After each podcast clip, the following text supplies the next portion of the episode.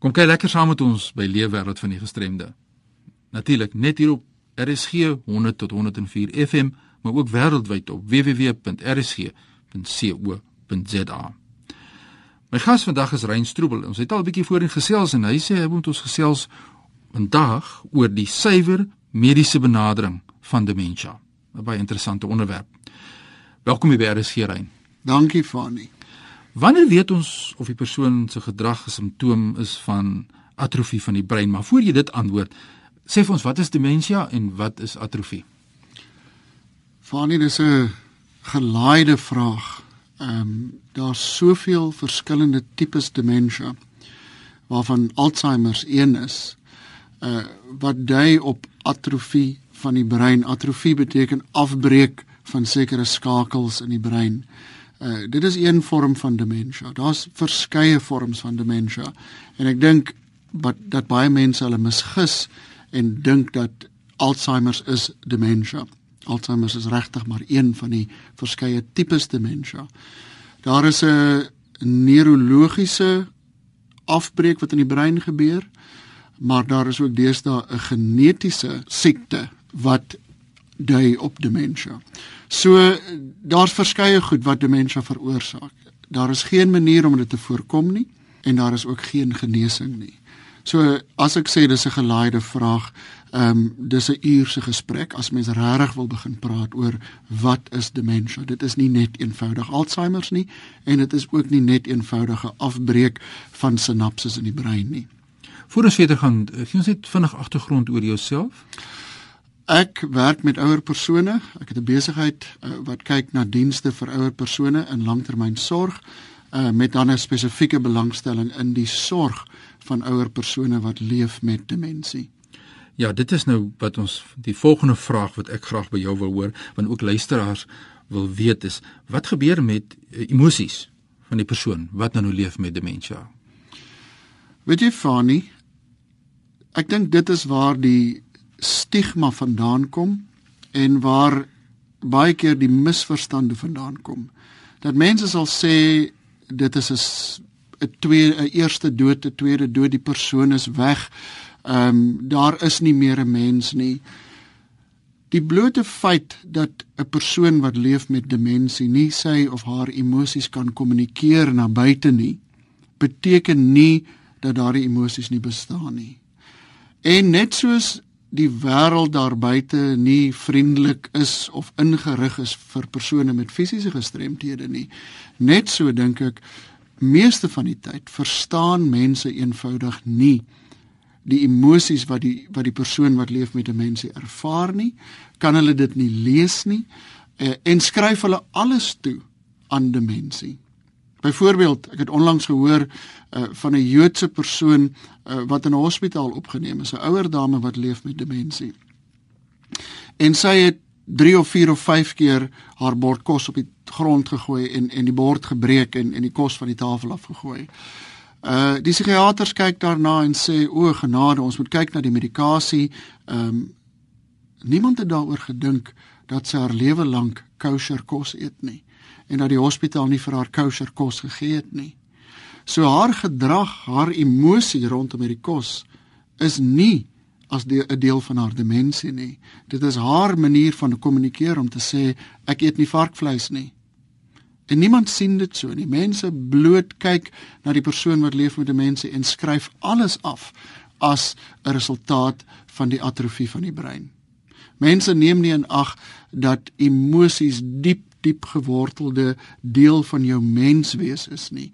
En dat jy nie altyd kognitief daaroor hoef te dink nie maar dat die eensaamheid uh die vrees die depressie uh die die die afhanklikheid van ander mense bring geweldige emosie na vore en ons moet leer om dit te lees en daarmee te kommunikeer. Baie baie interessant. Ek dink die luisteraars vind dit net so interessant Jy sê daar's 'n studie onlangs gedoen of 'n tydjie gelede gedoen met 'n groep nonne. Wat het die studie behels en hoe is dit uh, watter insigte daar uitgekom? Fanny, dis 'n interessante ding, dis 'n studie wat steeds aangaan. Dis 'n studie wat uit Amerika uitkom, ehm um, wat oor 'n periode van nou al ek dink 20 jaar loop.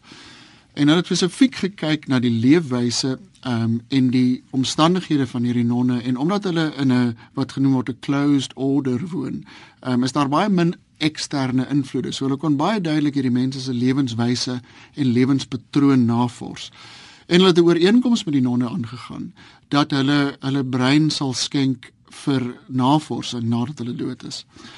Wat hulle toe gevind het is dat daar was 'n hele aantal van hierdie nonne wat al die fisiologiese neurologiese patrone van demensie in hulle brein gehad het. Met ander woorde die beta amyloïde plaak, uh die wat hulle noem tangles. Met ander woorde die die die neurologiese tekens was daar. Hierdie persoon se brein sê vir ons dat die persoon leef met demensie. Maar in die werklike lewe voordat die persoon dood is, het hulle nie demensie gehad nie.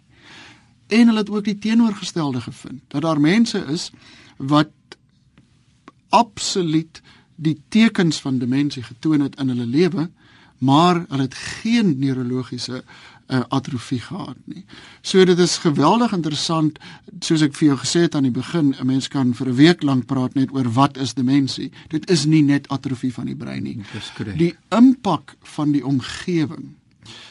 En daar's 'n ding wat genoem word subjective cognitive impairment wat sê dat as ek glo dat ek is nou oud, my kop werk nie meer nie. Waar het ek my sedels gesit? O genade, dis demensie.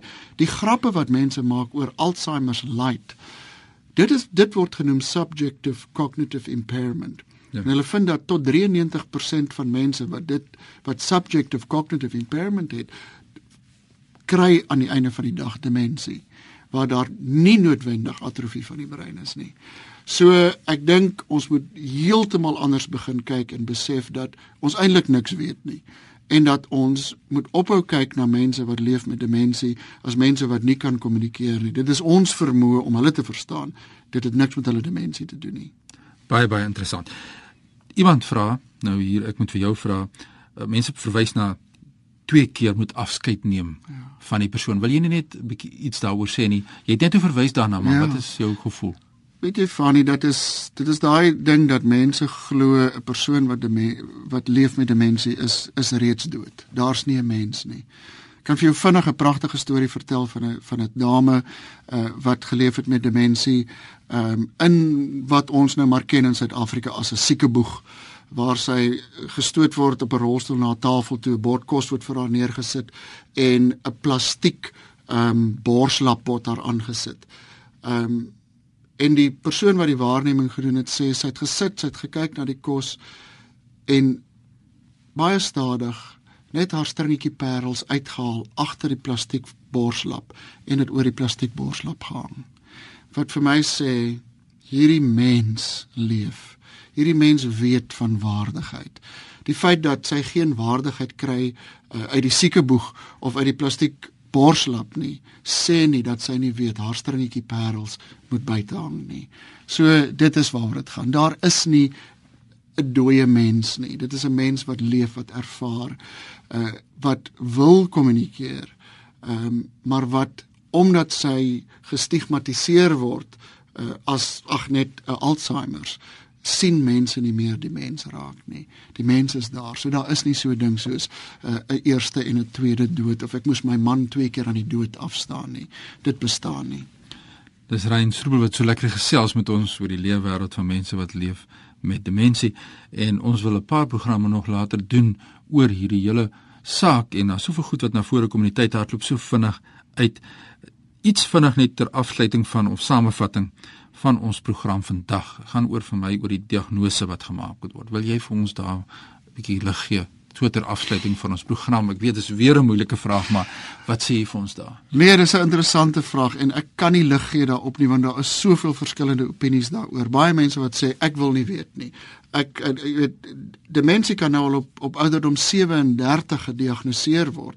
Wat beteken die persoon is nie dement nie, maar het 'n genetiese disposisie wat beteken ek gaan demensie kry. Wil ek dit weet? Wil ek dit nie weet nie. Baie mense sê ja, ek wil dit weet, ek wil voorberei. Ander sê nee, ek wil dit nie weet nie. My dilemma daar rondom is dat sou daar 'n diagnose gegee word en dit word nie behoorlik hanteer nie, neem die persoon die volle impak van daardie doodsvonnis op hom of haarself aan Nou as ek my sleutels vergeet, is dit demensie. Ehm um, as ek jou naam vergeet wat met ons almal gebeur, is dit demensie. So daar's geen antwoord oor nie. Dit is 'n ding wat baie versigtig, baie sensitief hanteer moet word. En ek dink vir alles wat kom by ons algemene praktisyns, is daar geweldig baie werk wat aangedoen moet word. Wat gebeur as daar 'n diagnose gegee word? Soos ek nou my uh, mening kan gee wat ek aflei wat jy sê, opleiding, die skep van sensitiwiteit en die bewusmaking is 'n baie belangrike rol wat nog te speel is rondom hierdie saak. Is dit my waarneming korrek? Absoluut, absoluut, absoluut. Nou vir hierdie rede gaan ek later vir jou inbring weer ons moet weer gesels. Ek wil graag met jou gesels oor die kwessie van die stigmatisering en uh, wat die impak van die stigmatisering is op die gesin, die familie en dan ook self op die mens self en ons het nog nie daarvoor kans gehad vandag nie en dan wil ek praktiese goed met jou volgende keer hanteer en dit is die gedrag, die moeilike gedrag want dit is wat mense laat tritureer, nie weet hoe om te doen nie en ek dink ons moet oor daai aspekte dan in 'n volgende program gesels. Is dit reg geso met jou? So Kom ons stop vandag en ons gee jou kontakbesonderhede deur. Waar kry mense jou in die hande as hulle meer wil weet oor hierdie baie sensitiewe saak en baie keer hartseer saak? Fani, ehm um, ek wil voor hulle met my ook praat, maar daar's Dementia SA, daar's Alzheimer Suid-Afrika, Hulle het hulle webwerwe, Google, Facebook, al daai goed. Uh my telefoonnommer is Kaapstad 021 461 3820. Hulle kan gerus skakel tydens kantoorure. My persoonlike assistent Susan sal 'n nommer vat, sal help enige tyd. Nou ja, kom ons herhaal daai nommer 021 461 3820. 20 en dis die kontakbesonderhede van Rein Stroebel en dit was ons onderwerp vir die dag die impak van demensie op die mens, omgewing, familie en dis meer in ons gesels verder. Baie dankie. By 'n volgende keer trap ons dit dalk verder uit. Dankie Fani. Is enige voorstel het storie om te vertel? Ja, ons almal het 'n storie om te vertel. Epos my sommer nou by fani.dt by mweb.co.za. Volg my op Twitter by Fani Dreams en gesels saam want ons kan ook deur middel van WhatsApp Facebook en Skype met mekaar kommunikeer. Hoe wonderlik is dit nie? En dit bring mense nader aan mekaar om inligting te kan uitruil oor die lewe wêreld van mense met gestremthede. Groetens uit Kaapstad.